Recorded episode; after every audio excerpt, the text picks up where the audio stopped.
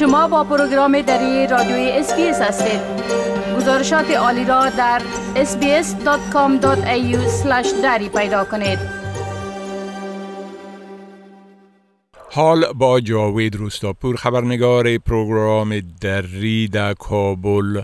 از طریق تلفن به تماس هستیم که اونا درباره تازه ترین تحولات در افغانستان معلومات میتن آقای روستاپور سلام عرض می کنم خب گفتم ایشه که وزیر تبصره های وزیر امر بالمعروف و نهی عن المنکر در ارتباط به تطبیق شریعت یک مقدار واکنش های را تبارز داده. اگر لطفا در ای بار اولتر از همه صحبت بکنین که ای تبصره ها چی بوده؟ با سلام و وقت شما بخیر. بله همون گونه که شما اشاره کردین. یک روز پس از بازداشت شماری از زنان معترض در شهر کابل در پی اعتراض آنان به حجاب اجباری محمد خالد حنفی سرپرست وزارت امر به معروف و نهی از منکری که طالبان گفته که از هر چیز می شود گذشت اما نمی شود از حکم شریعت گذشت. آقای خالد در دیداری که با شماری از استادان پانتون کابل داشت و در رابطه با باز شدن دروازه پانتون های دولتی و خصوصی برای معسلین به زودی سخن می گفت ضمن اینکه بر رعایت حجاب اسلامی در پانتون ها تاکید کرد اعتراض در آن در پی آتش زدن چادری در کابل و خواهان آزادی زنان که حجاب را نمیپذیرفتند گفت که در چارچوب شریعت جای ندارد و توهین به آنچه که به گفته شریعت بر زنان حکم کرده است.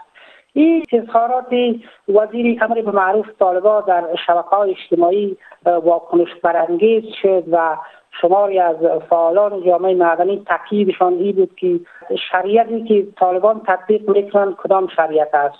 چون در اکثر کشورهای اسلامی زنان دوش و دوش مردان کار می‌کنند درس می‌خوانند به مکتب میرن و بخشی از نیروی اجتماعی را تشکیل میدن. اما طالبان از کدام شریعت صحبت می‌کنن و طالبان چی می‌خواهند در نهایت هدف طالبان از اینکه زنان را به گفته فعالان جامعه مدنی در چهار دیواری خانه زندانی کردن چی هست؟ و این یک نوع توهین به زنان هم و در قلوی از این موارد طالبان از او به عنوان حکم شریعت یاد می‌کنن در حقیقت توهین به دین هم در برخ مسائل است. ولی طالبان تاکیدشان این است که ما حکومت الگو یا نمونه از کشورهای اسلامی نیست و اساس و قانون ما شریعت است و مطابق از این شریعت ما حکم خود را تطبیق می‌کنیم. بله. خب گزارش های میگه که بین نیروهای مسلح یک امام و نیروهای طالبا در ولایت تخار برخوردهای صورت گرفته. اگر در این باره لطفا معلومات بتین منابع محلی در تخار گفتن که مولوی عبدالقدیر حامی خطیب مسجد جامع تخار که یکی از هواداران سرسخت گروه طالبان هم بود به دلیل رد درخواست طالبان مبنی بر برکناریش از موقفش از این مسجد روز گذشته پس از نماز جمعه درگیری صورت گرفته و پس از دقایقی این خطیب مسجد بازداشت شده.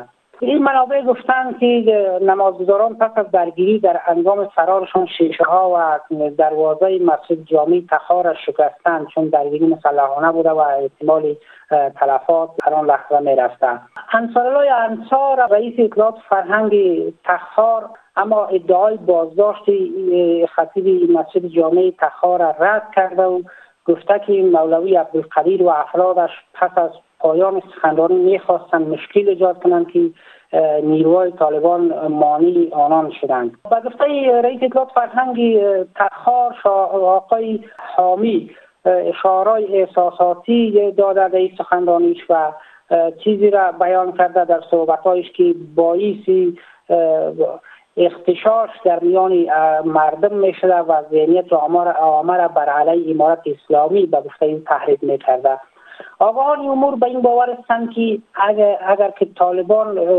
ادامه بتن بر کناری خطیبان مساجد را و افراد خود را جابجا کنند این مسئله برشان بسیار خطرناک است. زیرا طالبان از آغاز پیدایششان تا کنون به حمایت امامان مساجد و علمای دینی این دو دوره است که در حقیقت افغانستان را می‌گیرند و تسلط را در افغانستان به دست می‌گیرند و حکومت می‌کنند.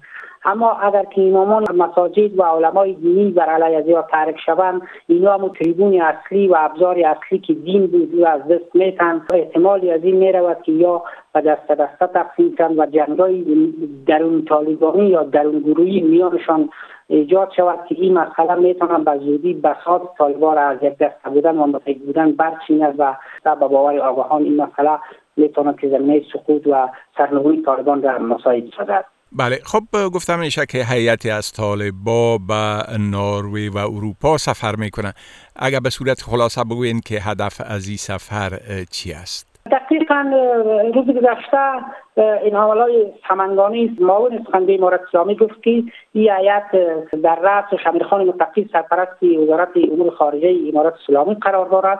و با مقامای آمریکایی و برخی کشورهای اروپایی بحث و گفتگو خواهند کرد. طالبان مشخص نساختند که در رابطه با چی و چی موارد بحث و گفتگو می‌کنن اما همان گونه که مشخص است. این روزها طالبان دو موضوع را در سفرهای خارجی بیشتر برش تاکید دارند و موضوع میوریشان است.